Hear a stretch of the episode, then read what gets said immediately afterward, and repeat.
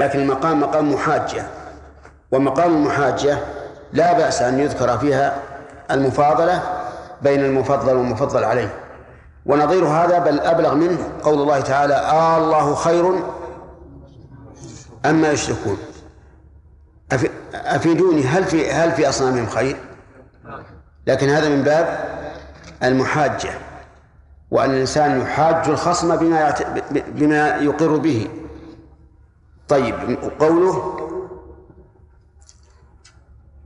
هو أشد منه قوة. وفي هذا أيضا من الفوائد أو يتفرع على هذا من الفوائد خطأ من يفسر قول الله تعالى الله أعلم حيث يجعل رسالته وربك أعلم بمن في السماوات والأرض وهو أعلم بالمهتدين وما أشبه ذلك. حيث يفسر أعلم بعالم. كالجلالين رحمه الله. أعلم يقول عالم. هذا خطأ خطأ عظيم وتحريف للقرآن. أيهما أبلغ أعلم أو عالم؟ أعلم لأن أعلم يمنع المشاركة. وعالم لا يمنع المشاركة. تقول فلان عالم وفلان عالم وفلان عالم لكن إذا قلت فلان أعلم معناه أنه لا لا يسويه أحد في درجته. فتفسير أعلم بعالم لا شك أنه تحريف. للقرآن وقصور عظيم. من فوائد هذه الآية الكريمة بيان أن هؤلاء المكذبين اليهود وهم عاد جمعوا بين الأمرين بين الاستكبار وبين التكذيب.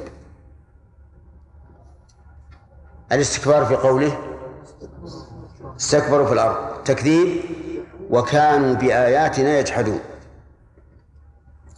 ومن فوائد هذه الآية الكريمة أن الله عز وجل أرسل الرسل بالآيات وأقام البينات والبراهين على أنه الحق وأن رسله حق لقوله بآياتنا. ومن فوائد هذه الآيات قوله نعم ومن فوائد هذه الآيات أن الرياح تجري بأمر الله. لقوله فأرسلنا عليهم ريحا. ولا شك أن كل شيء يجري بأمر الله. حتى أفعال البشر تكون بأمر الله عز وجل كما هو مذهب أهل السنة والجماعة. فكل شيء فإنه يسير بأمر الله عز وجل. الرياح السحاب البحار الأنهار كلها تجري بأمر الله عز وجل. ومن فوائد هذه الآية الكريمة بيان هذه الريح بيان بيان حال هذه الريح التي أهلك الله بها عادا وأنها ريح صرصر شديدة وفي آيات أخرى ما يدل على أنها ليس فيها مطر وليس فيها خير بل هي عقيمة من الخير كله. ومن فوائد هذه الآية الكريمة حكمة الله عز وجل في مجازات في مجازات من يستحق الجزاء حيث يجازى بمثل عمله. ولهذا يقول العلماء الجزاء من جنس العمل. وجه ذلك أن الله أرسل على هؤلاء المستكبرين الذين يقولون من أشد منا قوة؟ أرسل عليهم الريح اللينة الهينة.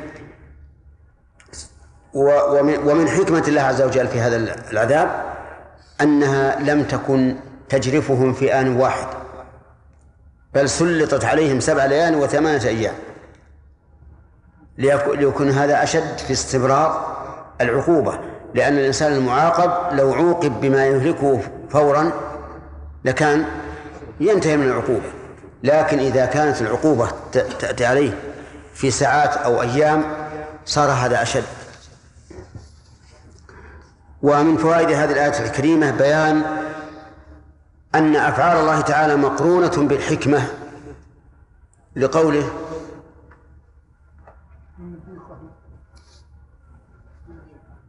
إيه. الظاهر أنك سارح. أليس كذلك؟ طيب. أظن قررنا أن الذي يسرح والسرح يحتاج إلى مشي أنه يقام قائما حتى ينتهي الدرس. نعم؟ لا ما قلنا مقلوب. قلنا يقوم؟ فهل لك أن تقوم ولا؟ أو تستقيم؟ طيب. في هذا بيان إثبات أن أفعال الله مقرونة بالحكمة لقوله لنذيقهم. وهذا مذهب أهل السنة والجماعة أن أفعال الله تعالى مقرونة بالحكمة وأن شرعه مقرون بالحكمة. فكل ما شرعه أو قدره فإنه لحكمة. لكن هل هل هذه الحكمة معلومة؟ منها ما هو معلوم ومنها ما لا ما ليس بمعلوم. وأسأل الأخ.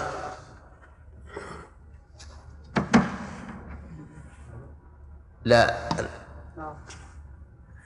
المالي هذا. طيب. أه اضرب لي مثلا بما حكمته غير معقول غير معقولة يعني لا ندركها بالعقل. يعني شيء لا يدرك بالعقل. ها؟ يعني؟ فيها أشياء من الشرع أو من القدر معلومة الحكمة. نعم. وفي أشياء غير معلومة. أنا أريد أن تضرب لي مثلا للأشياء غير المعلومة التي لا نعلم حكمتها. يعني من المقدرات يعني؟ لا من المشروعات. أسهل لك.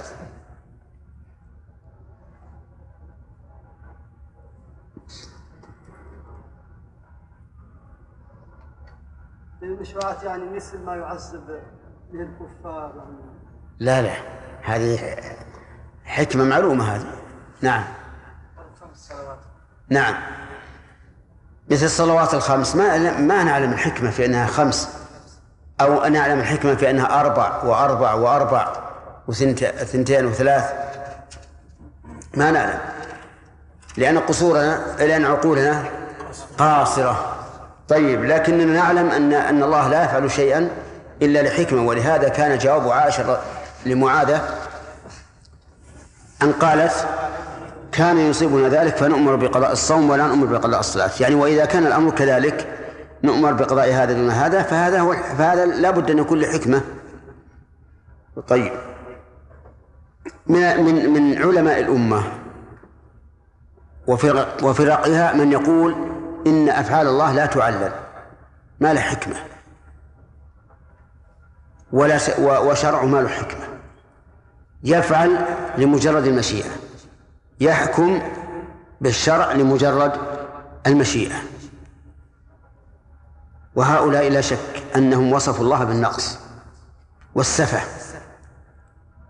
وقد أنكر الله على ذلك بقوله تعالى وما خلقنا السماء والأرض وما بينهما باطلا ذلك ظن الذين كفروا.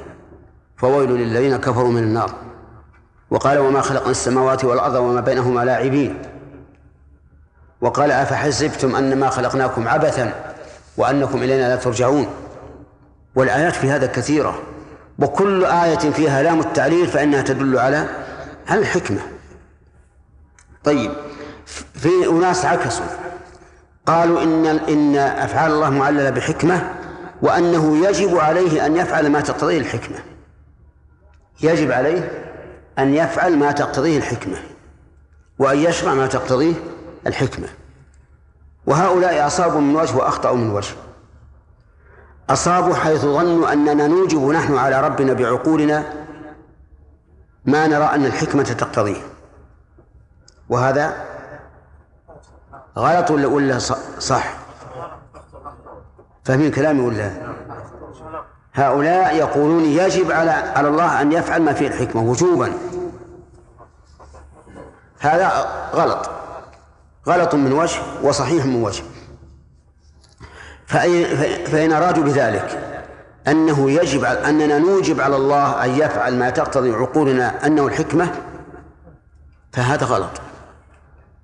وإن أرادوا أن الله أوجب على نفسه أن يفعل ما به الحكمة لأنه حكيم فهذا صحيح. ونحن لا لا نشك أن الحكمة هي مراد الله عز وجل وأنه لا يفعل شيئا ولا يحكم شيئا إلا لحكمة. لكن هل نحن الذين نقدر الحكمة ثم نوجب على الله أن يفعل؟ هذا هو الخطأ. فالثاني هذا مذهب المعتزلة. والأول مذهب الأشاعرة وأتباعهم. والصواب الوسط. ودائما خير الأمور الوسط. نعم. الوسط؟ أن الله يجب عليه يفعل لإيجابه على نفسه الحكمة. لأنه نفى أن يكون فعله عبثا أو لعبا أو باطلا. وهذا يقتضي أنه سبحانه وتعالى يفعل الشيء لحكمة. لكن لسنا نحن الذين نوجبها على الله. نعم.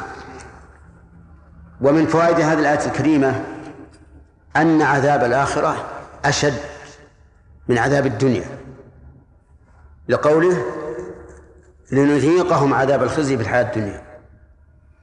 ومن فوائدها أن الكافر يعاقب بالعقوبتين عقوبة الدنيا وعقوبة الآخرة. لقوله لنذيقهم ولعذاب الآخرة أخسر. أما المؤمن فإن الله تعالى لا يجمع عليه عقوبتين.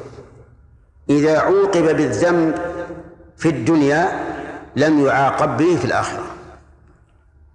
لقوله تبارك وتعالى وما أصابكم من مصيبة فبما كسبت أيديكم ويعفو عن كثير.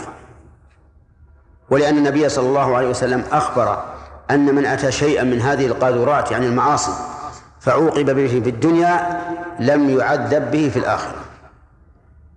فالمؤمن إذا عوقب في الدنيا على عمله لم يعاقب في الآخرة. والكافر يعاقب إيش؟ بهذا وهذا. وانظر إلى قوله تعالى والذين لا يدعون مع الله إلها آخر ولا يقتلون النفس التي حرم الله إلا بالحق ولا يزنون. ومن يفعل ذلك يلقى أثاما يضاعف له العذاب يوم القيامة. حيث قال يضاعف له العذاب. فإما أن يكون المراد أن عذاب الآخرة أشد فيكون بالنسبة لشدته مضاعفا وإما أن يكون هو الجمع له بين عذاب الدنيا وعذاب الآخرة. وقولنا إنه يجمع له بين العذابين ليس معناه أنه حتمي لكن نقول إنه إذا عذب بذنبه في الدنيا لم يسلم من من تعذيبه به في الآخرة. انتبهوا لهذا. حتى لا يرد علينا أن الكفار الآن يموتون وهم في غاية ما يكون من السرور والعافية والأموال والأولاد ولا ولم يجدوا عذابا. والمعنى أنهم لم يجدوا عذابا يشاهد. لكن لكن عذاب العذاب القلبي عندهم لا شك أنه موجود. أشد الناس عذابا قلبيا وقلقا هم الكفار. وكلما كان الإنسان أعصى لربه كان أشد قلقا وأقل راحة. وكلما كان أشد إيمانا وعملا صالحا كان أشد طمأنينة. استمع إلى قوله تعالى من عمل صالحا من ذكر أو أنثى وهو مؤمن إيش؟ فلنحيينه حياة طيبة ولنجزينهم أجرهم بأحسن ما كانوا يعملون.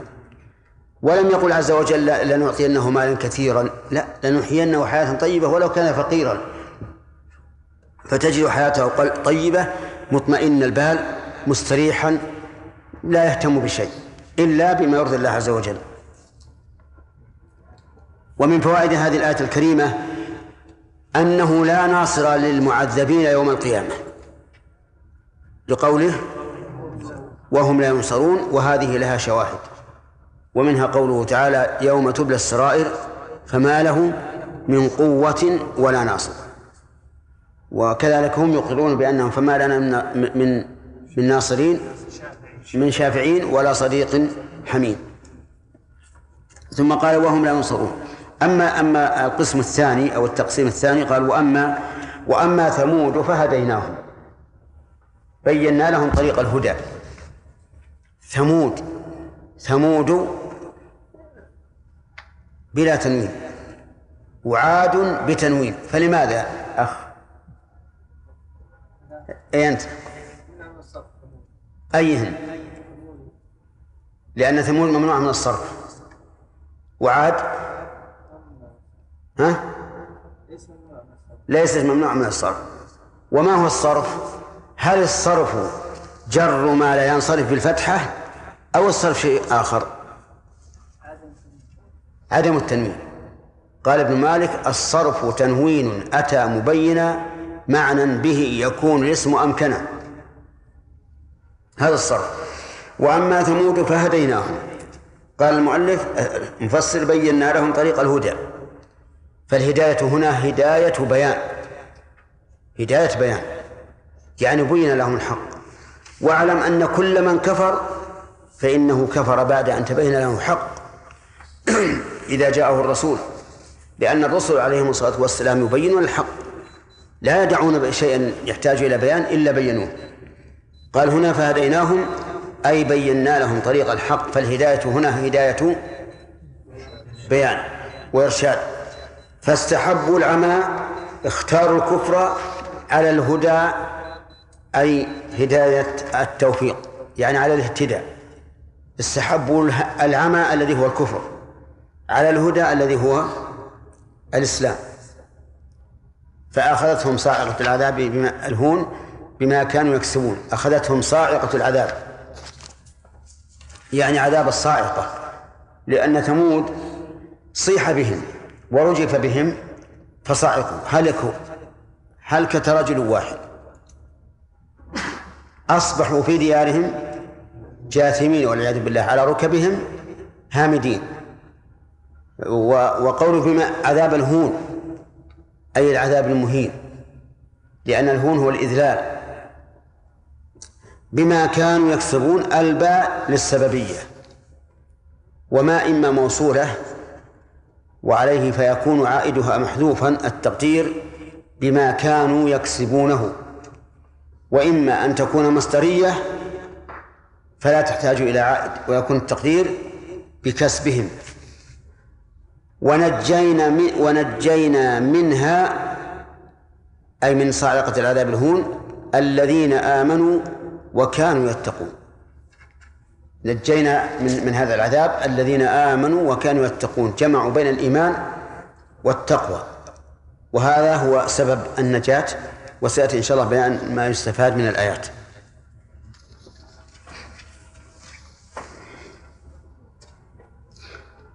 سم. نعم. أسئلة. إذا عوقب في الدنيا المؤمن إذا عوقب في الدنيا لم يجمع الله له عذاب الآخرة نعم. هل هذا يشمل حتى لو لم يتب عوقب وهو مصر على ذنبه؟ كالزاني مثلا. أي نعم لأن لأن لأنه إذا تاب لا لا يعاقب لا في الدنيا ولا في الآخرة. يا شيخ التائب من الذنب كمن لا ذنب له.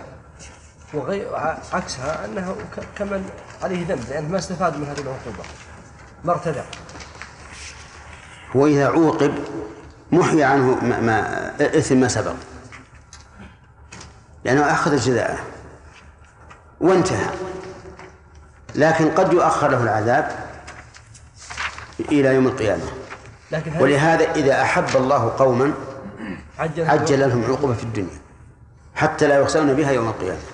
شيخ لو لو عوقب الآن ثم مات مباشرة قبل أن يفعل الذنب. نعم. ذنبا آخر. نعم. هل يعاقب بنيته عدم التوبة؟ لا. يعاقب إن استمرت إن استمرت النية بعد العقوبة. فهذا ربما يعاقب على نيته لا على فعله. نعم. يحيى.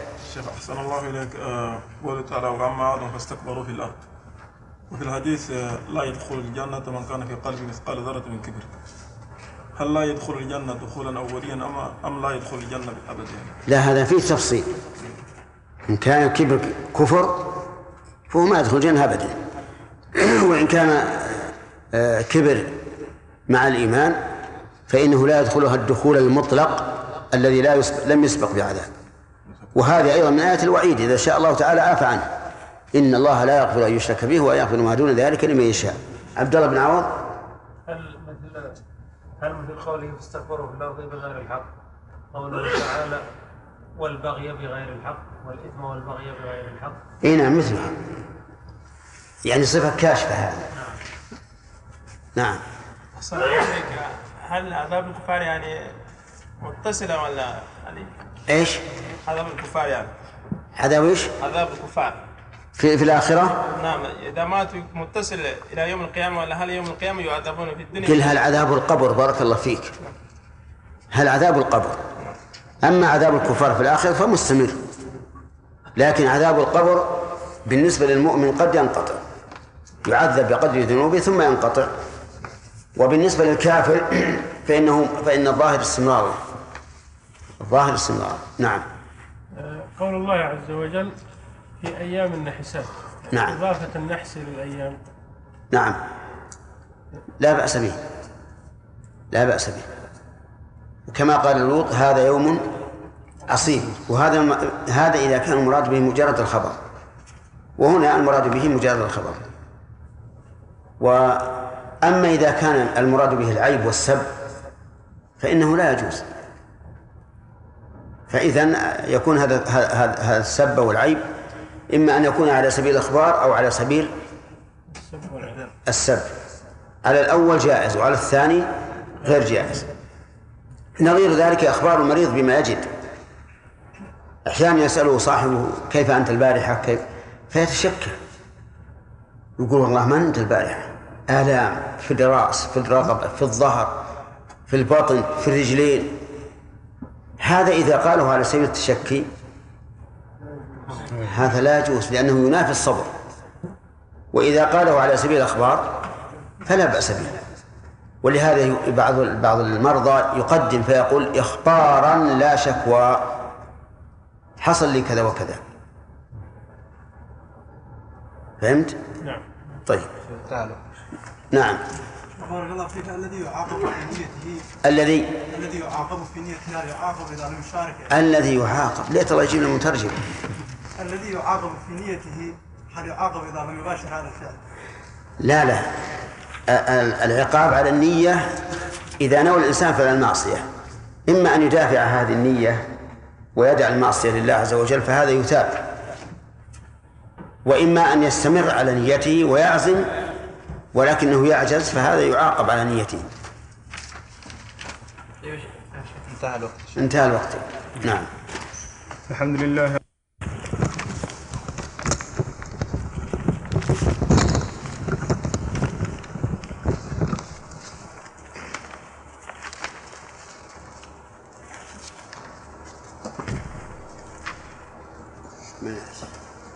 أعوذ بالله من الشيطان الرجيم. وأما ثمود فهديناهم فاستحبوا العمى على الهدى. وقفنا على ونجينا الذين آمنوا وكانوا يتقون. ما أخذنا فوائد هذا يا شيخ؟ ها؟ ما أخذنا فوائدها عجيب. طيب نقرأ هذا ونأخذ فوائد. ويوم يحشر على الله. ويوم يحشر أعداء الله إلى النار فهم يوزعون. حتى إذا ما جاءوها شهد عليهم سمعهم وأبصارهم وجلودهم بما كانوا يعملون. وقالوا لجلودهم لم شهدتم علينا؟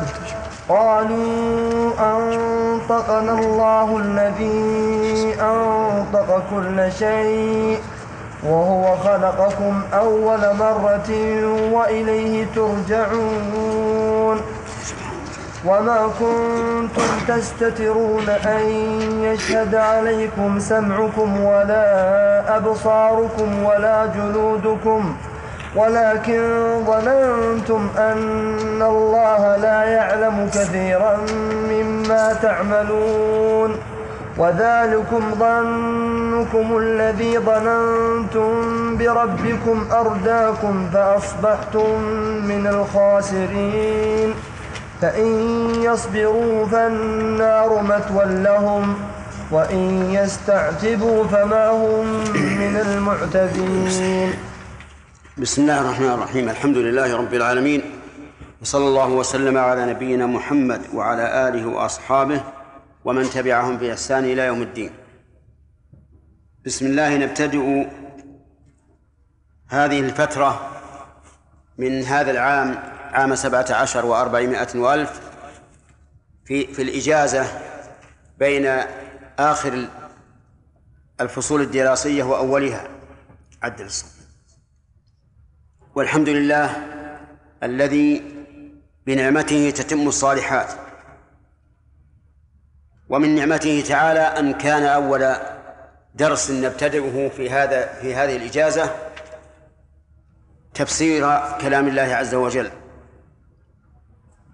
ولا ريب أن القرآن الكريم نزل ليتعبد الناس بتلاوته وليتدبروا آياته وليتذكر أولو الألباب. قال الله تبارك وتعالى كتاب أنزلناه إليك مبارك ليدبروا آياته وليتذكر أولو الألباب.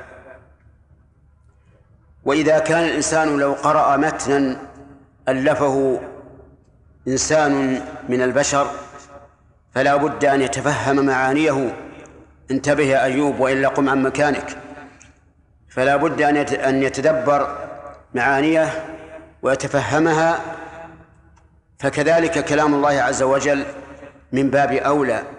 أن يتدبر الإنسان معانيه ويتفهمها لأن قراءة بلا معنى ليست قراءة فالقارئ الذي لا يفهم المعنى بمنزلة الأمي الذي لا يقرأ ودليل ذلك قوله تعالى ومنهم أميون لا يعلمون الكتاب إلا أماني يعني إلا قراءة فوصفهم الله بأنهم أميون لأنهم لا يعلمون الكتاب إلا قراءة فقط. وقد ذكر العلماء رحمهم الله لتفسير كلام الله عز وجل قواعد مهمة نذكر منها ما يلي. أولا أول وأولى ما يفسر به القرآن أن يفسر القرآن بالقرآن. لأن الذي فسره هو الذي أنزله وهو أعلم بمراده. فنفسر القرآن بالقرآن ما وجدنا إلى ذلك سبيلا. ولهذا أمثلة كثيرة مثل قوله تعالى وما أدراك ما يوم الدين ثم ما أدراك ما يوم الدين. فسر الله ذلك اليوم بقوله يوم لا تملك نفس لنفس شيئا والأمر يومئذ لله. فلو سألنا سائل ما هو يوم الدين نقول يوم لا تملك نفس لنفس شيئا والأمر يومئذ لله. وقال تعالى القارعة ما القارعة وما أدراك ما القارعة. يوم يكون الناس كالفراش المبثوث وتكون الجبال كالعهن المنفوش. ولهذا أمثلة كثيرة. ثم نفسر القرآن بتفسير أعلم الناس به وهو رسول الله صلى الله عليه وعلى آله وسلم. ولهذا أمثلة. منها قوله تعالى للذين أحسنوا الحسنى وزيادة. الزيادة لم يبينها الله عز وجل ولكن بينها الرسول عليه الصلاة والسلام بقوله هي الجنة. وكذلك نعم هي النظر إلى وجه الله. فسرها النبي صلى الله عليه وسلم بقوله هي النظر إلى وجه الله. وكذلك مثال آخر قول الله تعالى وأعدوا لهم ما استطعتم من قوة. فسرها النبي عليه الصلاة والسلام بقوله ألا إن القوة الرمي. وكررها. وكما يكون تفسير النبي صلى الله عليه وعلى آله وسلم للقرآن بلفظه يكون كذلك بفعله. فقوله تعالى وأقيموا الصلاة. لم يبين الله تعالى كيفية هذه الإقامة التي أمر بها. لكن فسرها النبي صلى الله عليه وسلم بفعله. فقام وركع وسجد وقعد وقال صلوا كما رأيتموني أصلي. إذن أول ما نفسر القرآن بماذا؟ بالقرآن. علل لأن الذي فسره هو الذي تكلم به وهو أعلم بمراده. ثم بإيش؟ بكلام بسنة النبي صلى الله عليه وسلم القولية والفعلية. علل. لأن النبي صلى الله عليه وسلم أعلم الناس بكلام الله لأنه رسول. ثم بعد ذلك بتفسير الصحابة رضي الله عنهم. تفسير الصحابة لا شك أنه أولى من غيره لأن الصحابة رضي الله عنهم أعلم الناس بلغة القرآن بلا منازع ولأن القرآن نزل في عصرهم وفي الأحوال التي يعرفونها ولا ريب أن المعنى يعرف في الزمن والحال التي نزل بها. ولهذا ينقلون إلينا أسباب النزول أسباب النزول في الآيات التي نزلت على سبب لأنهم كانوا إيش؟ يعلمون ذلك. فيرجع في تفسير في تفسير القرآن إذا لم يوجد في كتاب في كتاب الله أو سنة رسوله يرجع إلى من؟ إلى أقوال الصحابة. وأقوال والصحابة رضي الله عنهم يختلفون في فهم القرآن اختلافا ظاهرا كما يختلفون في مراتبهم في الفضائل كذلك أيضا يختلفون في العلم وفي تفسير القرآن. ومن أعلمهم بالتفسير ابن عباس رضي الله عنهما. لأن النبي صلى الله عليه وعلى آله وسلم دعا له فقال اللهم فقهه في الدين وعلمه التأويل. يعني التفسير. وبعد هذا المرتبة الرابعة الرجوع إلى كلام المفسرين الذين أخذوا عن الصحابة. إلى كلام التابعين الرجوع إلى كلام التابعين الذين أخذوا عن الصحابة رضي الله عنهم. ليس كل التابعين بل الذين اشتهر عنهم الأخذ عن الصحابة. وعلى رأسهم مجاهد بن جبر رحمه الله الذي أخذ تفسير القرآن عن عبد الله بن عباس رضي الله عنهما. فكان يقرأ القرآن على ابن عباس ويقفه عند كل آية يسأله عن تفسيرها. ثم بعد ذلك يؤخذ بالأمثل فالأمثل من أقوال أئمة هذه الأمة وعلمائها. ثم اعلم أن تفسير القرآن لا يقتصر على تفسير الصحابة والتابعين ولأنه قد يخرج للآيات معاني لم تكن تطرأ على البال. فيما سبق. كما يشير بعض الآيات إلى المخترعات الحديثة التي وقعت في زماننا هذا وكما تشير بعض الآيات إلى ما عرف أو إلى ما علم في علم الأحياء والكائنات. وذلك لأن القرآن كتاب عالمي. لا يزال الناس يستخرجون كنوزه وفوائده إلى يوم القيامة. وبناء على ذلك ينبغي لنا أن نعت بل يجب علينا أن نعتني بكلام الله عز وجل وأن نتدبره ونتفهمه حتى نلحق بالركب. آه، فيما سبق ذكر بعضكم أننا لم نأخذ فوائد ما سبق من قوله تعالى وأما ثمود فهديناهم فاستحبوا العمى على الهدى. هكذا؟ طيب. آه، في هذه الآية فوائد. منها أن الله تعالى أبلغ رسالاته كل أحد. ولم ولم يدع أحدا بلا هداية أي بلا هداية دلالة لقوله وأما ثمود. وهذه الجملة التفصيلية كما سبق في التفسير معطوفة على فأما عاد فاستكبروا في الأرض وأما ثمود. ومن فوائد هذه الآية أن الهداية ليست مقصورة على هداية التوفيق ولكنها تطلق على هداية الدلالة والبيان. لقوله وأما ثمود فهديناهم أي دللناهم على الحق. ومنها الرد على الجبرية الذين يقالوا إن الإنسان مجبر على عمله. أخانا. من أين تأخذ هذا؟ لا اللي جنبك على يسارك. ها؟ من أين تأخذ الرد على الجهمية من هذه الآية؟ وأما ثمود فهديناهم فاستحبوا العمى على الهدى فأخذتهم صاعقة العذاب الهون. السؤال يا أخي للأخ قلت على يسارك.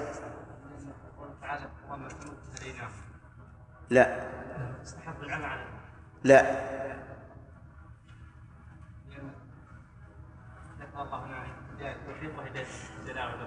لا. أنا قلت لك في لا في استحبوا لأني أخشى أنك تبي تتدرج كلمة كلمة حتى تصل إلى آخر الآية. لكن من ما- وجه أخذنا الرد على الجبرية من قوله تعالى فاستحبوا العمى اللي على الجدار فعل هنا.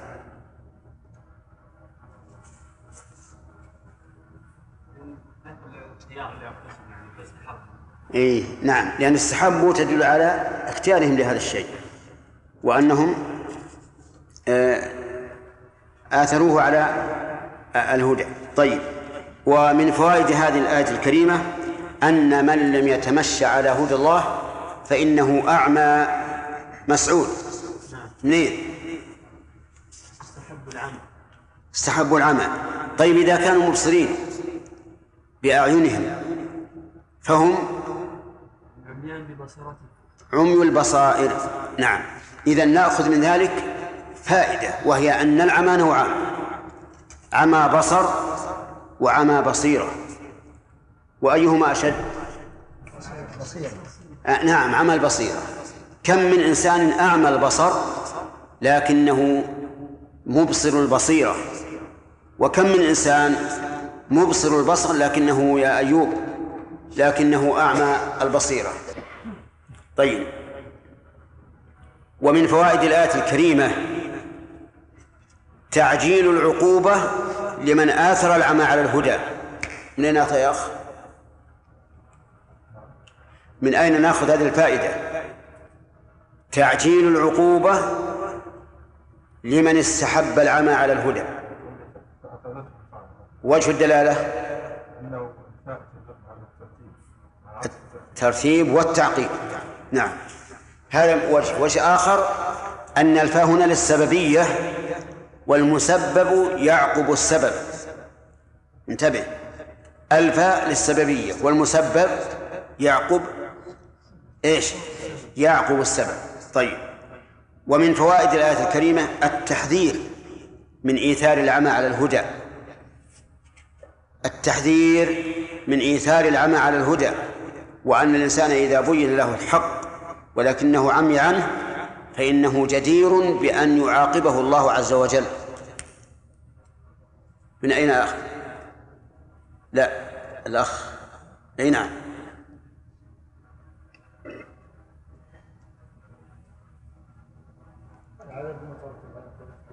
لأن الله أخبرنا بأخذ بأخذهم لنحذر إيش؟ لنحذر من ذلك. أخبرنا الله تعالى بعقوبتهم حين خالفوا لنحذر من ذلك. انتبه لهذه الفائدة العظيمة. دليل ذلك أن الله يخبرنا عما عمن سبق لنحذر من طريقهم. دليل ذلك قوله تعالى لقد كان في قصصهم عبرة لأولي الألباب. هذا دليل. دليل آخر أولم يسيروا في الأرض فينظروا كيف كان عاقبة الذين من قبلهم؟ أتموا. دمر الله عليهم إيش؟ وللكافرين أمثالها. وللكافرين أمثالها. ومن فوائد الآية الكريمة أن ثمود أهلكوا بصاعقة أي بشيء صعقوا به وهلكوا. وقد بين الله في آية أخرى يا مسعود أنه أخذتهم الرجفة فيكون أخذوا بالرجفة حتى صعقوا وهلكوا. ومن فوائد الآية الكريمة أن هؤلاء الذين غرهم الكب- الكبر تعال هنا يا ولد تعالوا هنا هنا قريب. أنهم أهينوا وأذلوا. أنهم أهينوا وأذلوا. من أين نأخذها؟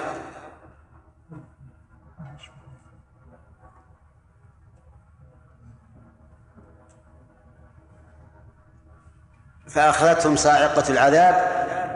إيش؟ الهون. يعني عذاب الذل.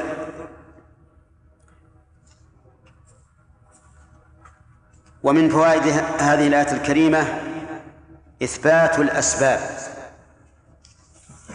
إثبات الأسباب. نعم. لقوله بما كانوا يكسبون. والباء هنا للسببية. طيب.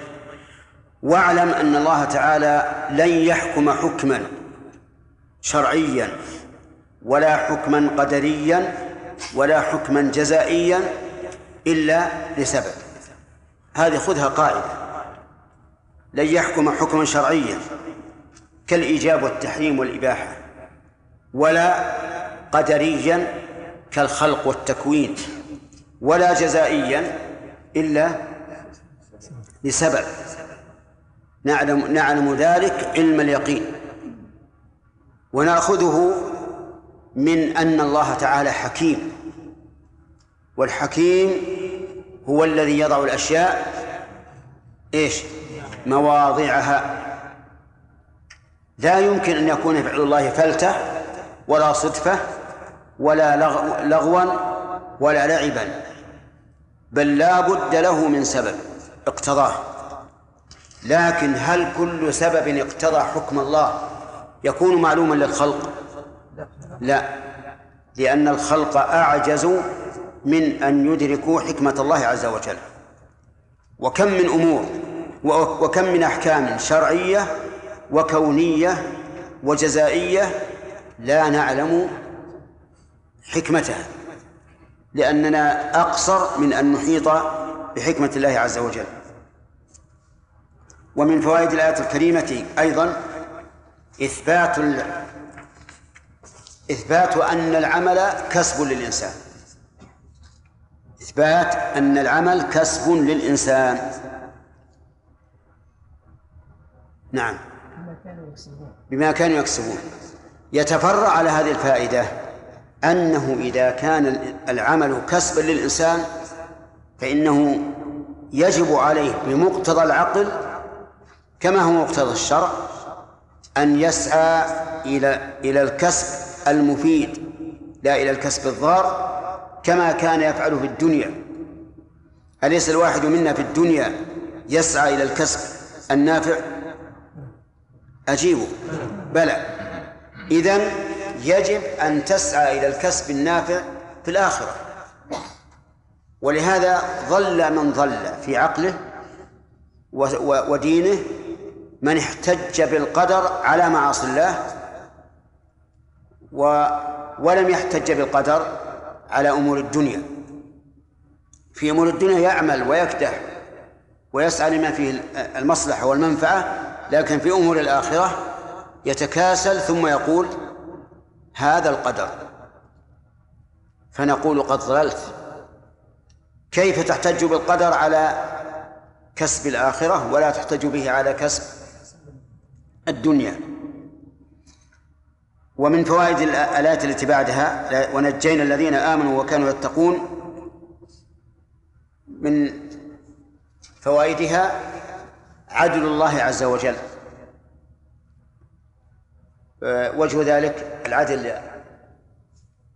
الأخ اسمك؟ راوي؟ يلا يا راوي.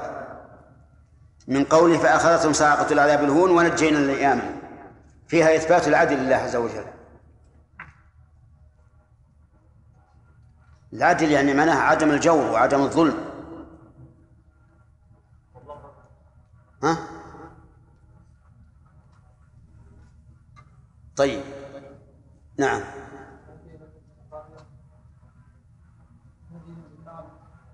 ما وجه الدلالة في الآية والتي قبلها على عدل الله؟ شو لا أنا ما أريد أن أن تذكر لي وجه الدلالة آه، محل الدلالة. أنا أريد وجه الدلالة.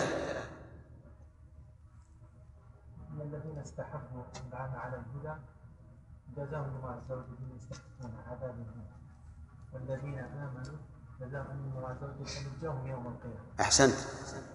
إثبات النجاة للمؤمنين والعذاب للمعرضين هذا دليل على العدل لأنه أعطى سبحانه وتعالى كل إنسان ما يستحق. ولا شك أن الله سبحانه وتعالى أحكم الحاكمين. ومن كونه أحكم الحاكمين لازم أن يكون أعدلهم. لأنه كلما كان الحكم أعدل كان أحكم. ومن فوائد الآية الكريمة أن الإيمان والتقوى سبب للنجاة. بقوله ونجينا الذين آمنوا وكانوا يتقون. ومثله قوله تعالى وينجي الله وينجي الله الذين اتقوا بمفازتهم ومن فوائدها أن الإيمان وحده لا يكفي بل لا بد من إيمان وتقوى. لقوله الذين آمنوا وكانوا يتقون. آه، ما هو المقارنة بين هذه الآية وبين قوله تعالى ألا إن أولياء الله لا خوف عليهم ولا هم يحزنون محمد؟ أن الولي هو المؤمن طيب تمام. أن الذين آمنوا وكانوا يتقون والذين ينجيهم الله هم أولياء الله. لأن قوله ألا إن أولياء الله لا خوف عليهم ولا هم يحزنون الذين آمنوا وكانوا يتقون يطابق تماما هذه الآية حتى في اللفظ. هناك الذين آمنوا وكانوا يتقون وهذه الذين آمنوا وكانوا يتقون. طيب ومن فوائد الآية الكريمة حذف ما يعلم أي جواز حذف ما يعلم. من أين تؤخذ؟ ها؟ وين المحذوف؟ أي نعم ولكن أين المحذوف؟ مفعول يتقون أي وكانوا يتقون الله الذين آمنوا وكانوا يتقون الله وإن شئت فقل وكانوا يتقون ما يجب اتقاؤه لأن الله تعالى أحيانا يقول اتقوا الله وأحيانا يقول واتقوا يوما لا تجزي نفس عن نفس واتقوا النار التي أعدت للكافرين فإذا قلنا وكانوا يتقون ما أمروا باتقائه صار ذلك إيش؟ أعم أنتم معنا يا جماعة وعبيد الله إيش قلنا؟ تقدير المحذوف في قوله يتقون لا تقديره إيش نقدره؟ لا.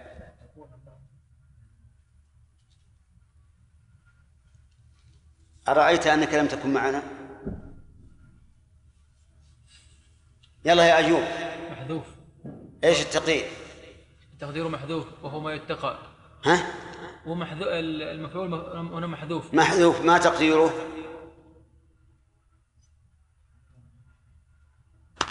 تقدير كل ما يتقى. الآخرة. ما تقديره إحنا قدرت لكم آخر آخر كلمة قبل هذا السؤال. وش رأيكم أننا إذا سألنا إنسانا في في الصف الأول و وعجز عن الجواب أليس من حقنا أن نقيمه إلى آخر شيء؟ يمهل شيخ. نعم. يمهل. يمهل إلى متى يا أخي؟ قال الرسول عليه الصلاة والسلام ليلني منكم أولو الأرحام والنهى. ولنا أن نعزر من أهمل وجلس في في جسمه وقلبه في وادي نعم. ها؟ ما أمروا؟ أحسن ما أمروا باتقائه يتقون ما أمروا باتقائه. وقد أمرنا بتقوى الله وتقوى النار وتقوى يوم القيامة. أفهمتم؟ إذن المعنى العام أن نقول وكانوا يتقون ما أمروا باتقائه. طيب.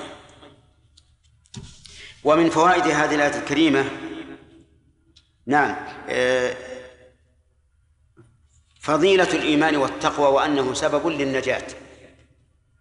وأنه سبب للنجاة لقوله ونجينا الذين آمنوا وكانوا يتقون.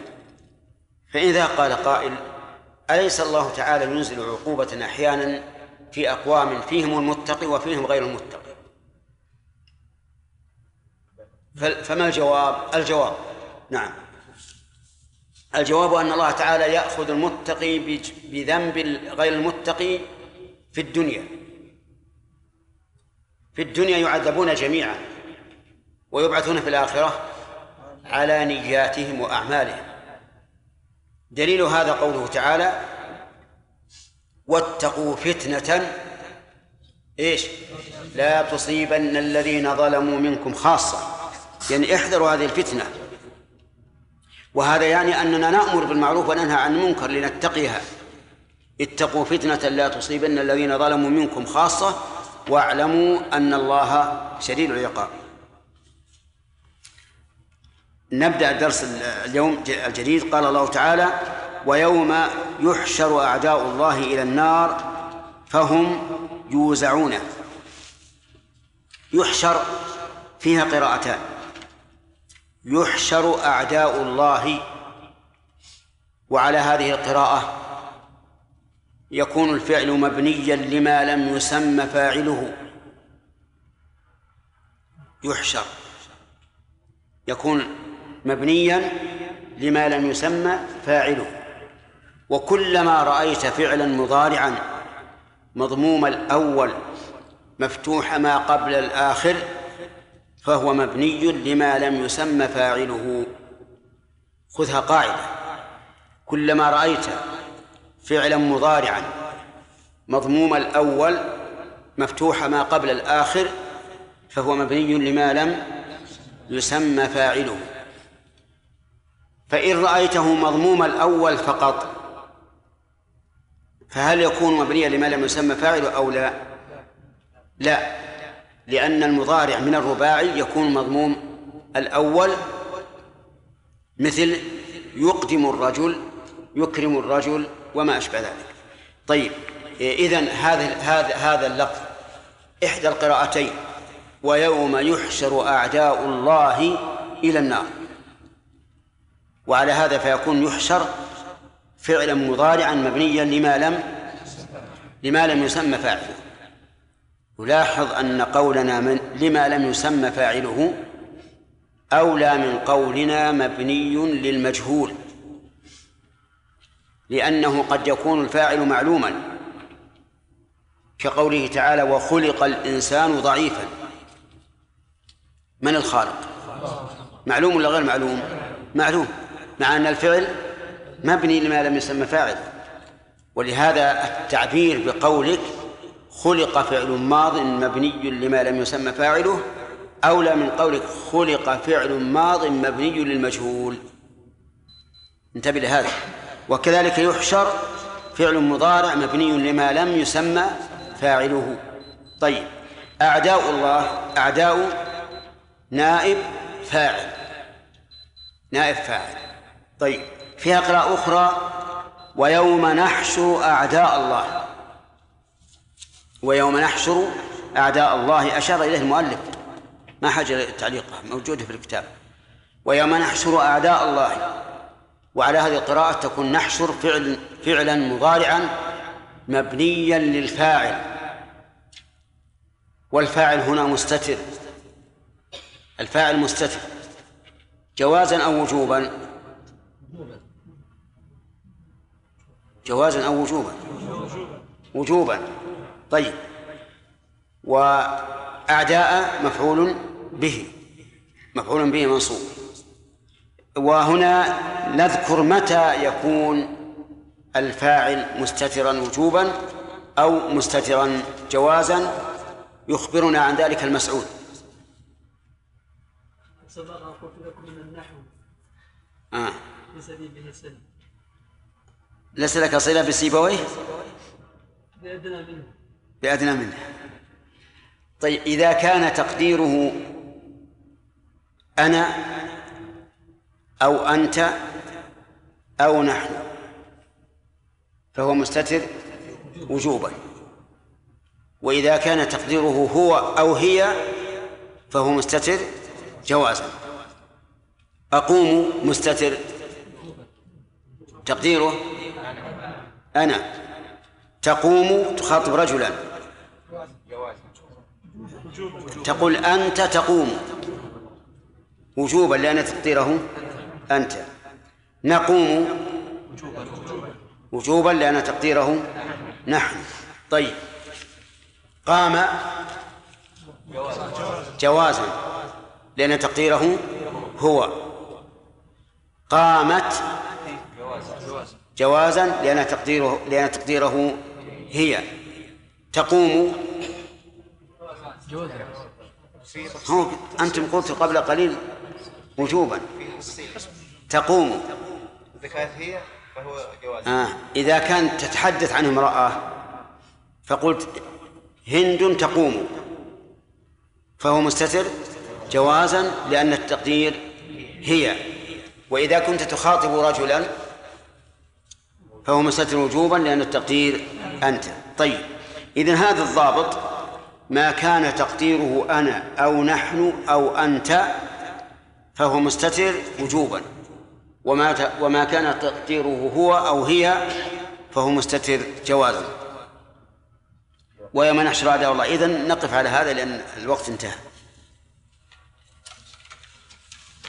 شهدتم علينا قالوا أنطقنا الله الذي أنطق كل شيء وهو خلقكم أول مرة وإليه ترجعون وما كنتم تستترون أن يشهد عليكم. سمعكم ولا أبصاركم ولا جلودكم ولكن ظننتم أن الله لا يعلم كثيرا مما تعملون وذلكم ظنكم الذي ظننتم بربكم أرداكم فأصبحتم من الخاسرين. فإن يصبروا فالنار مثوى لهم وإن يستعتبوا فما هم من المعتبين. أعوذ بالله من الشيطان الرجيم. قال الله تبارك وتعالى ويوم يحشر أعداء الله إلى النار فهم يوزعون. في قوله تعالى ويوم يحشر آه، إعراب وهو أن يوم ظرف وكل ظرف لا بد له من متعلق لأن الظرف اسم مفعول فيه فلا بد من فعل. ولهذا قال ناظم الجمل لا بد للجار من التعلق بفعل أو معناه نحو مرتقي. فأين أين العامل في يوم العامل في يوم محذوف. التقدير كما قال المؤلف واذكر يوم يحشر أعداء الله. ويحشر بمعنى يجمع ويساق. وفيها قراءتان. بالياء والنون المفتوحة يعني يحشر آه نعم بالياء والنون المفتوحة وضم وضم الشين. كذا عندكم؟ تركيب عندكم هكذا. بالياء والنون المفتوحة وضم الشين وفتح الهمزة. لم يكمل المؤلف في الواقع القراءة الثانية. يحشر فيها قراءتان. الأولى ضم الميم ضم الياء وفتح الشين. يحشر. وعلى هذه القراءة يجب أن تكون أعداء مرفوعة على أنها نائب فاعل. القراءة الثانية بفتح النون نحشر وضم الشين وعلى هذه القراءة يجب أن تكون أعداء منصوبة على أنها مفعول به ويوم نحشر أعداء الله. وهنا نسأل هل القراءتان الموجودة اللتان تكون آه، آه، تكونان في القرآن الذي بين أيدينا؟ هل هما الحروف السبعة أو سواها؟ الجواب أنها سوى الحروف السبعة. الحروف السبعة الآن غير معلومة لأنه قضي عليها بتوحيد المصحف في عهد عثمان رضي الله عنه. لكن القراءة السبع الموجودة في حرف واحد وهو حرف قريش الذي توحدت المصاحف عليه في عهد عثمان رضي الله عنه. وعلى هذا فلا حاجة إلى الأخوان الفجوة هذه. اقرأوا شوية نكون متوازنين. آه، وعلى هذا فلا حاجة إلى التفتيش والتنقيب عن الحروف السبعة في في وقتنا هذا. لأن انتهت قضي عليها قال ويوم يحشر أعداء الله إلى النار فهم يوزعون. فمن أعداء الله؟ أعداء الله يمكن أن نعرفهم بمعرفة أولياء الله. وأولياء الله تعالى قال الله في في في بيانهم ألا إن أولياء الله لا خوف عليهم ولا هم يحزنون الذين آمنوا وكانوا يتقون. ضد ضد الإيمان الكفر. وضد وضد التقوى المعاصي والفسوق. فأعداء الله إذن هم الكفار والفسقة. يحشرون إلى النار أي يساقون إليها ويجمعون إليها. إلى النار فهم يوزعون. يقول المؤلف يساقون. ولها معنى آخر أيضا يساقون بالتوزيع. يعني أنهم طوائف وأمم. كلما دخلت أمة لعنت أختها. فهم يوزعون بالسياق أي يساقون ويوزعون أيضا بالتفريق. كل أمة وحدها. فهم يوزعون حتى إذا ما جاءوها شهد عليهم سمعهم إلى آخره. حتى إذا ما قال المؤلف زائدة. يعني كلمة ما زائدة. لأنها وقعت بعد إذا. وكلما وقعت ما بعد إذا فهي زائدة. وعليك بحفظ البيت. يا طالبا خذ فائدة. ما بعد إذا زائدة. يا طالبا خذ فائدة. ما بعد إذا زائدة. اتلو البيت علينا. ها لا. ها. نعم. يا طالبا خذ فائدة. ها كمل. ما بعد إذا زائدة. طيب. أعده علينا أي نعم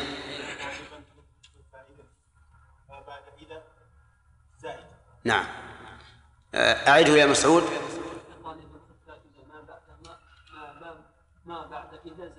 نعم. حتى إذا ما جاءوها يقول ما زائدة جاءوها أي وصلوا إليها شهد عليهم سمعهم وأبصارهم وجلودهم بما كانوا يعملون. قبل أن يدخلوها تستشهد عليهم هذه الجوارح حتى يدخلوا وهم موقنون أنهم عوملوا بالعدل والإنصاف. يشهد عليهم سمعهم. هل يشهد بما سمعوا من اللغو والكلام المحرم أو يشهد السمع بجميع الأعمال. يحتمل وجهين. إما أن يكون المعنى شهد عليهم سمعهم بما سمعوا من الباطل وأبصارهم بما بما شاهدوا من الباطل وجلودهم بما لمسوا من الباطل أو أن هذه الأعضاء تشهد على كل عمل عملوه. يحتمل هذا وهذا والثاني أعظم أن يكون السمع يشهد بما حصل عن طريقه وبما حصل عن طريق البصر وبما حصل عن طريق اللمس. هذا أعظم من مما لو شهد بما حصل منه فقط. سمعهم وأبصارهم وجلودهم بما كانوا يعملون. وهل هذا بعد إنكار أو للتحقيق والتوكيد. ليس في الآية ما يدل على ذلك. لكن قيل إنه إن هذه الأعضاء وأيديهم وأرجلهم كما في آية أخرى إن هذا إنما يكون بعد إنكارهم أن يكونوا أشركوا كما قال تعالى ثم لم تكن فتنتهم إلا أن قالوا والله ربنا ما كنا مشركين وقول جلودهم بما مست وهي أعم من شهادة السمع والبصر. لأن لأنه يدخل في ذلك اليد والرجل والشم وغير ذلك. كل هذا عن طريق الملامسة. وقالوا لجلودهم لما شهدتم عليه؟ ولم يقل لأبصارهم وسمعهم. لأن شهادة الجلود أعظم وأعم. قالوا أي أعداء الله لجلودهم لما شهدتم علينا؟ وهذا الاستفهام استفهام إنكار كأنهم يقولون نحن نجادل عنكم فكيف تشهدون علينا قالوا أنطقنا الله الذي أنطق كل شيء يعني أننا شهدنا لأن الله أنطقنا. والله عز وجل بيده ملكوت السماوات والأرض. ينطق كل شيء قال المؤلف أي أراد نطقه. ولا حاجة إلى هذا القيد لأن الله تعالى لا يكرهه أحد. حتى نقول إن هذا الفعل مقيد بالإرادة. نقول أنطق كل شيء ولا نقول أراد نطقه لأنه لا يمكن أن ينطق الشيء إلا إيش؟ بعد إرادة الله. ومثل هذا القيد غير مناسب.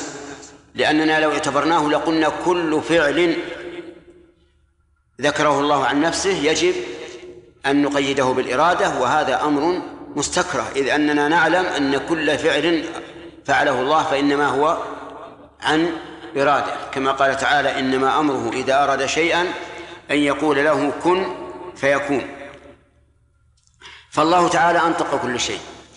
هل أنطق الحجر؟ نعم. نعم. أنطق الحجر والشجر وسمع تسبيح الحصى والطعام بين يدي النبي صلى الله عليه وسلم. بل قال الله تعالى تسبح له السماوات والأرض ومن فيهن وإن من شيء إلا يسبح بحمده ولكن لا تفقهون تسبيحه. كل شيء يسبح الله بلسان المقال. إلا الكافر فإنه لا يسبح الله بلسان المقال لأنه كافر بالله يصف الله تعالى بكل نقص وعيب. وكل شيء يسبح الله بلسان الحال. حتى الكافر يسبح الله بلسان الحال. كيف ذلك؟ الكافر ما ما أودع الله فيه من من الآيات في الخلقة والخلق وما أشبه ذلك كله يسبح الله عز وجل. أي يستدل به على تنزيه الله عن كل نقص وعيب. قال وهو خلقكم أول مرة وإليه ترجعون. قيل هو من كلام الجلود. وقيل هو من كلام الله تعالى كالذي بعده. وموقعه قريب مما قبله بأن القادر على إنشائكم ابتداء وإعادتكم بعد الموت إحياء قادر على إنطاق جلودكم وأعضائكم. قوله هو خلقكم أول مرة يحتمل أنه من كلام الله. يخاطب به هؤلاء المكذبين والأعداء ويحتمل أنه تتمة كلام الجلود. يعني أن الجلود تستدل على قدرة الله تعالى على إنطاق إنطاقها بأنه خلقهم أول مرة. يقول المؤلف في بيان ذلك قيل هو من كلام الجلود وقيل هو من كلام الله. أيهما قدم؟ لا. إذا قال المؤلفون قيل كذا وقيل كذا فالخلاف هنا مطلق لا تقديم فيه ولا تأخير. وإذا قيل هو من كلام الجلود وقيل من كلام الله هنا يكون قدم الأول. انتبهوا لهذا. أما إذا قال المؤلفون قيل وقيل فهذا ليس فيه تقديم بل هو بل هو نقل خلاف على وجه الإطلاق. قيل هو من كلام الجلود وقيل هو من كلام الله وعلى هذا فالقولان لدى المؤلف متساويان. آه، فأيهما أقرب أن نجعله من كلام الجلود حتى يتصل الكلام بعضه ببعض أو من كلام الله؟ الأول من حيث اللفظ أقرب. أن الجلود تقول أنطقنا الله الذي أنطق كل شيء وتقول لهؤلاء هو الذي خلقكم أول مرة وإليه ترجعون. لكن معنى القول الثاني أقوم للمعنى. يعني أن الله لما بين أن هؤلاء يعاد يعادون يوم القيامة ويحاسبون وتشهد عليهم الأسماع السمع والأبصار والجلود بين عز وجل أنه قادر على الإعادة لأن هؤلاء الذين كذبوا ينكرون البعث. فقال وهو خلقكم أول مرة. والقادر على الخلق أول مرة قادر على إعادته. واضح؟ القادر على الخلق أول مرة قادر على إعادته. دليل ذلك قوله تعالى وهو الذي يبدأ الخلق ثم يعيده وهو أهون عليه. فهو يقول هو خلقكم أول مرة والقادر على ذلك قادر على الإعادة. وقوله وإليه ترجعون. هذا فيه أيضا إشارة إلى الحكمة من خلق الخلق. الحكمة من خلق الخلق أنهم يبتلون. فيؤمرون وينهون. ومآلهم إلى من؟ إلى الله عز وجل. يجازيهم بحسب أعمالهم التي كلفهم بها. ثم قال الله تعالى وما كنتم تستترون إلى آخره. هذا هو معنى قول المؤلف كالذي بعده. وش الذي بعده؟ وما كنتم تستترون. هذا لا شك أنه من كلام الله. وليس من كلام الجلود وقول المؤلف رحمه الله وموقعه قريب من مما قبله يعني موقع هذا الكلام وهو خلقكم أول مرة قريب مما قبله يعني يبين المناسبة مناسبة هذه الجملة لما قبلها وهو أن القادر على إنشائكم ابتداء وإعادتكم بعد الموت أحياء قادر على إنطاق جلودكم وأعضائكم. وما كنتم تستترون عن إنكار عن ارتكابكم الفواحش من أن يشهد عليكم سمعكم ولا أبصاركم ولا جلودكم. يعني ما كنتم تستخفون في معاصيكم وكفركم وغير ذلك مما يستترون به خوفا من أن يشهد عليكم سمعكم ولا أبصاركم ولا جلودكم. يعني أن الكفار يستترون أحيانا بالمعاصي. ليسوا يستترون خوفا من أن تشهد عليهم سمعهم وأبصارهم وجلودهم لأن هذه الأشياء لا, لا استتار عنها إطلاقا. إذ أنها هي الإنسان ولا يمكن الاستتار عنها. لكن وأيضا هم لا يؤمنون بأنها سوف تشهد عليهم يوما من الأيام. فصاروا لا يستترون عن هذه الأشياء لوجهين.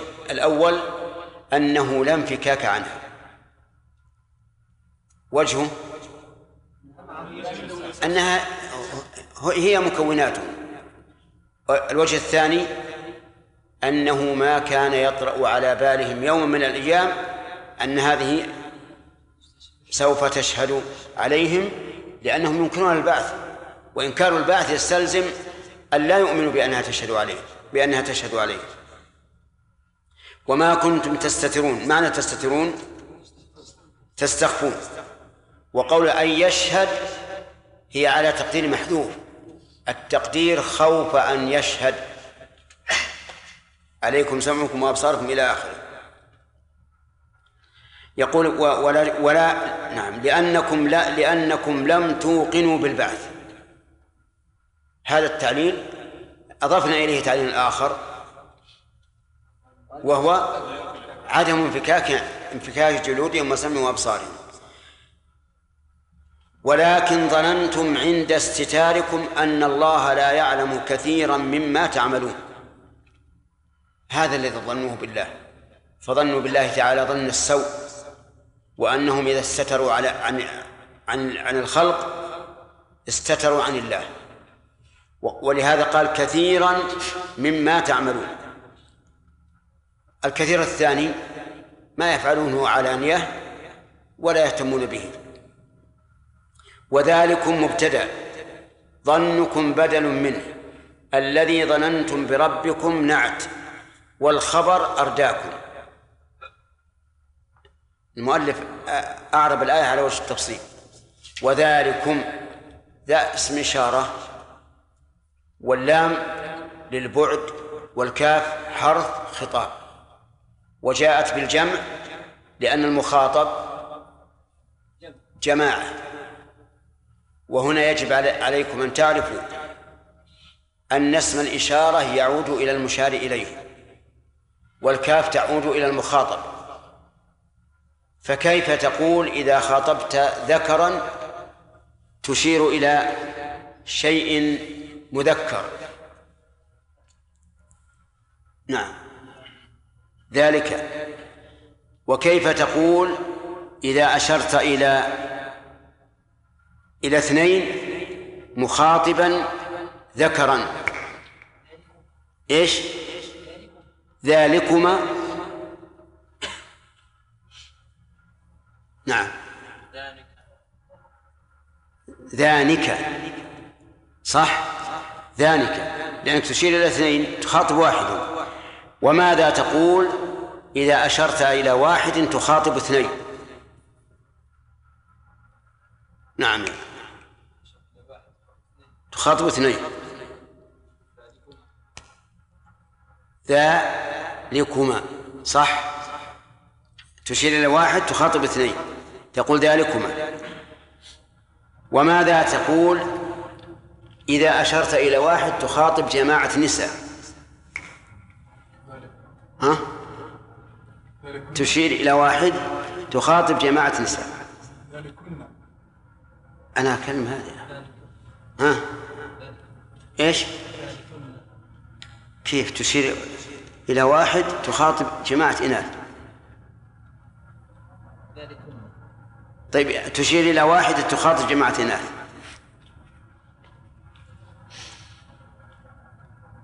تشير إلى واحدة تخاطب جماعة إناث.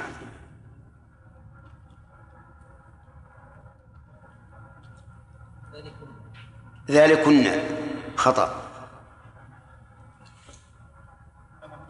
الأخ. إي نعم.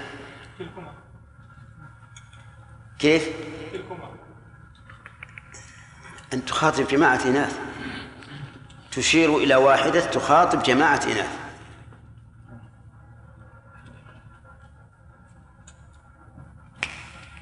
نعم.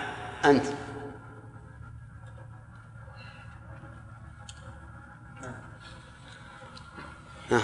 تلكن. تلكن. صح؟ تلكن. المهم انتبهوا لهذا. لا يلتبس عليكم المشار إليه في المخاطب. الم... ال... اسم الإشارة يكون بحسب المشار إليه والكاف بحسب المخاطب. واضح؟ طيب. تشير إلى جماعة مخاطبا جماعة الذكور. محمد. تشير إلى جماعة مخاطبا جماعة الذكور. أولئكم. نعم. أولئكم. أولئكم. في القرآن وأولئكم جعلنا لكم عليهم سلطانا مبينا. طيب. تمام. آه تخا... آه تشير إلى مؤنثتين تخاطب اثنتين. عبد الله.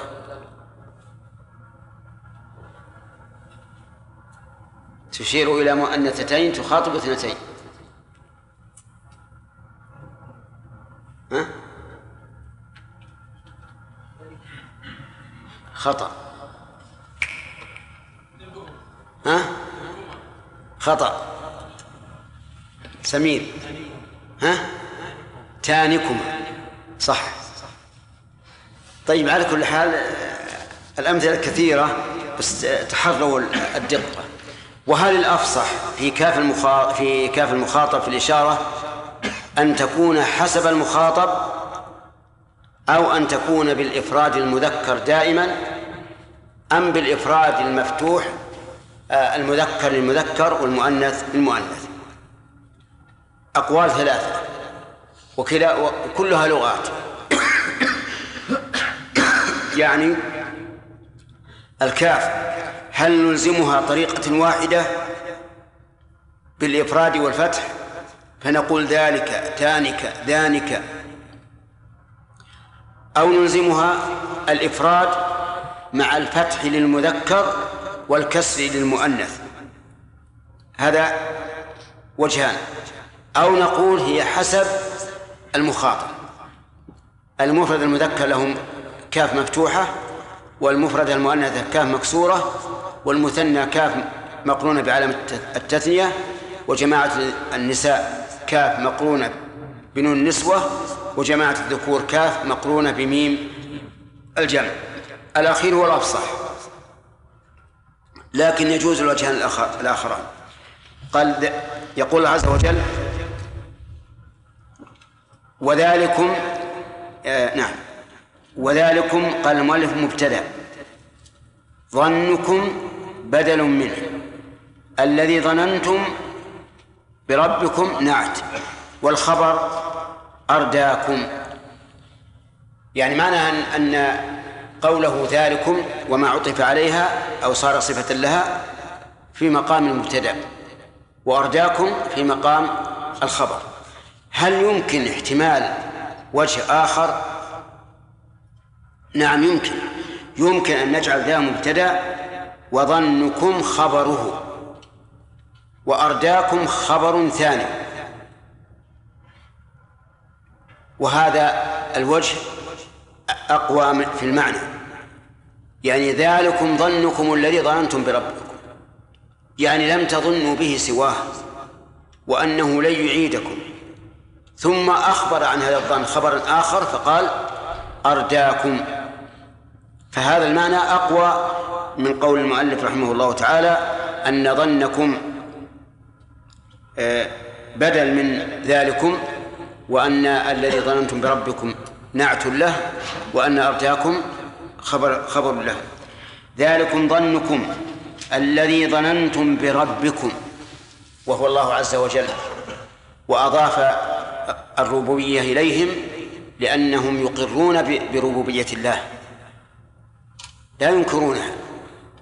قل من رب السماوات السبع ورب العرش العظيم؟ سيقولون إيش؟ سيقولون لله وفي قراءة أخرى سبعية سيقولون الله. أرداكم يعني أهلككم. فأصبحتم من الخاسرين.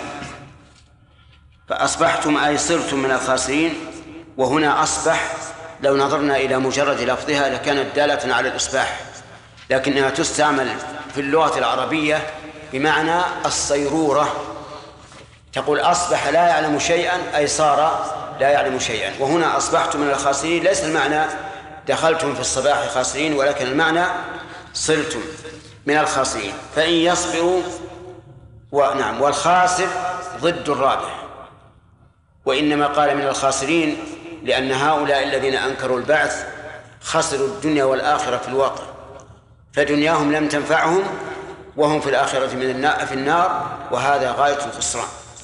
فإن يصبروا على العذاب فالنار مثوى مأوى لهم وإن يستعتبوا يطلبوا العتبى أي الرضا فما هم من المعتبين من المرضيين. انتبهوا لهذا الوعيد الشديد. إن يصبروا فالنار مثوى لهم. لم يقل إن يصبروا فلينتظروا الفرج.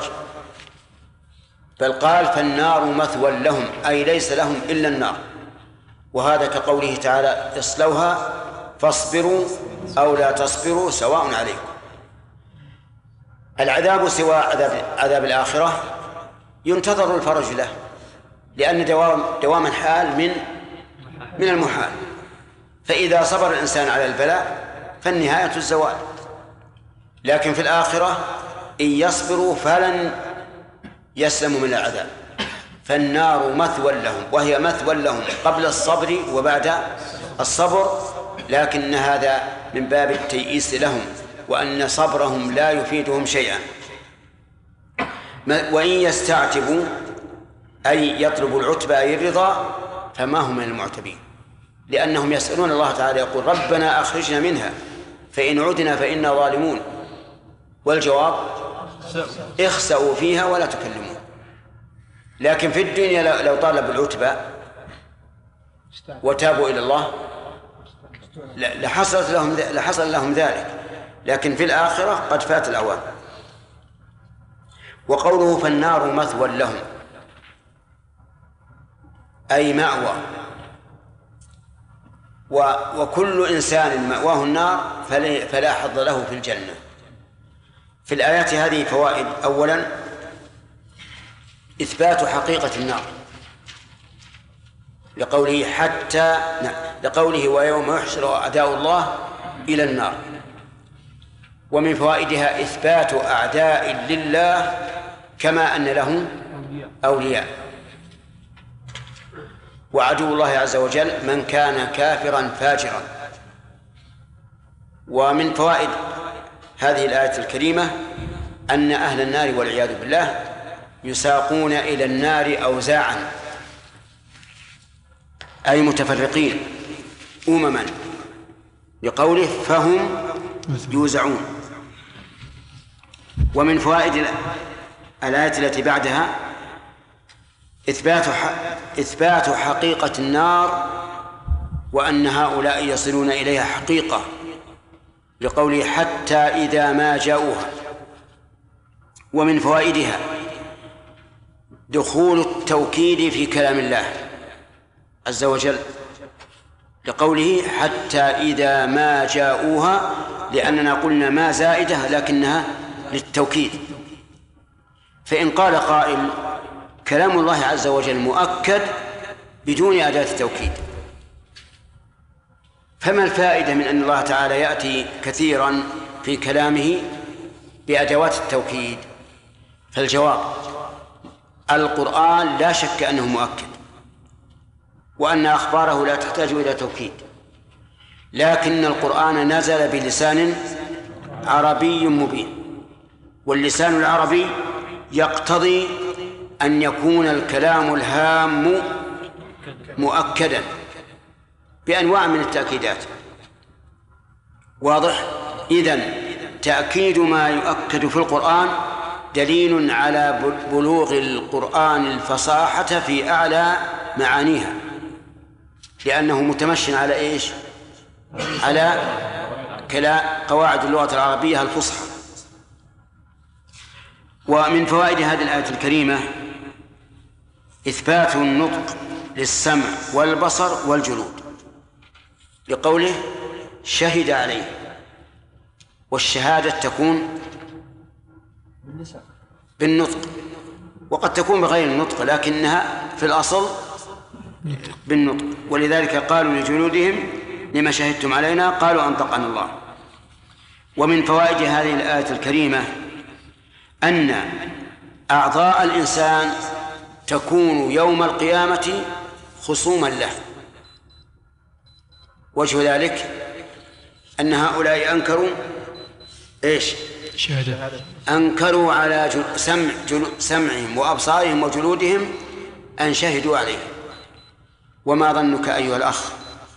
ما ظنك بأعضاء تكون يوم القيامة خصوما لك؟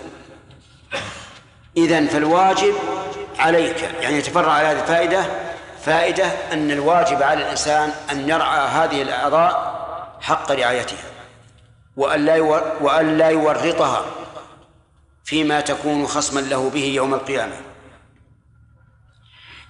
ومن فوائد هذه الآية الكريمة أن الأعضاء منفردة تعرف ربها عز وجل.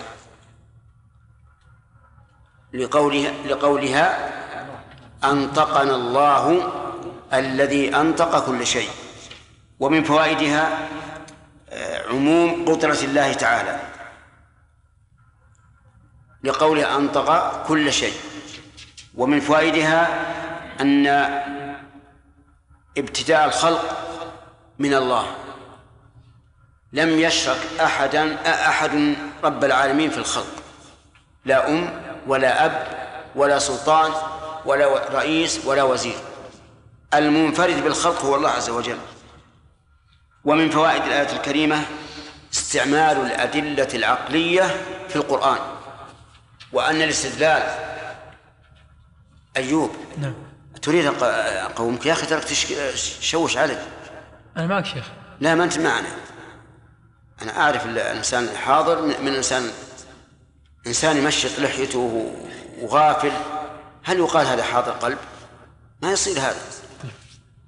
يروى عن عمر رضي الله عنه أنه رأى رجلا يعبث في لحيته في صلاته فقال لو خشع قلب هذا لخشعت جوارحه. فأنت إما أن تطلب مكانا آخر سوى هذا وإلا تكون يعني طالبا حقيقة. طيب نقول آه، في هذا دليل على جواز استعمال الأدلة العقلية. من أين تؤخذ؟ من استدلال الله تعالى بالمبدأ على المعاد. فإن هذا دليل عقلي. فإن قال قائل وهل تقدم الأدلة العقلية على الأدلة السمعية؟ فالجواب لا. لأن العقل قد يخطئ فيظن الإنسان ما أن هذا عقل وليس بعقل. وأما الأدلة السمعية الثابتة عن الله ورسوله فهذه لا تخطئ. ولهذا أخطأ من استعمل العقل بل قدمه على السمع والنقل فيما يتعلق بالله واليوم الآخر. وحكموا بعقولهم القاصرة على أمور الغيب استحالة أو وجوبا أو جوازا وأعرضوا عن نصوص الكتاب والسنة. ومن هؤلاء جميع المتكلمين من الأشاعرة والمعتزلة والجهمية وغيرهم حيث جعلوا التلقي فيما يتعلق بأسماء الله وصفاته على آه، الاعتماد على العقل ومن فوائد الآية الكريمة إثبات الرجوع إلى الله عز وجل. فاستعد لهذا الرجوع. واعلم أنك ملاق ربك ولكن أبشر إن كنت مؤمنا. قال الله تعالى واتقوا الله واعلموا أنكم ملاقوه. وبشر المؤمنين. يعني لا يخف المؤمن من هذه الملاقات بل له البشارة في الدنيا قبل الآخرة. لكن لكن حقيقة هذه البشارة للمؤمن خاصة. ويأتي إن شاء الله بقية الكلام على الفوائد. نعم. يعني.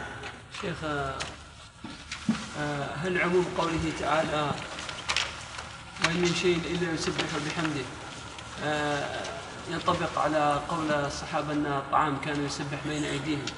آه، ولكن لا تلقون تسبيحهم بأن يكون سبح ولكن لم يعلموا تسبيحهم إلا بإخبار النبي صلى الله عليه وسلم أو أنه سبح حقيقة يفهمه أي واحد. ظاهر النصوص أن يسبح حقيقة. لكن التسبيح لا تسبحون لا هنا تسبيحهم باعتبار المجموع. لا لا باعتبار كل فرد. فإن من الأشياء ما, ما نسمع تسبيحه يسبح تماما. إنا سخرنا الجبال معه.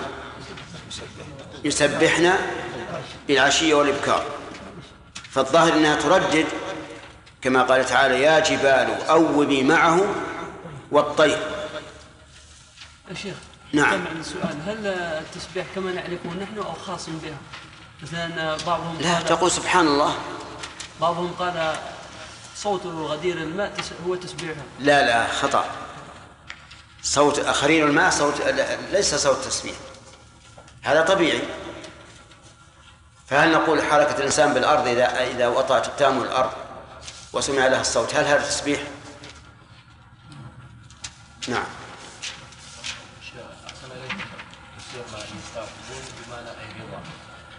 نعم. إذا فسر بالرجوع كيف؟ إذا فسر بالرجوع الرجوع إلى الدين أي. نعم.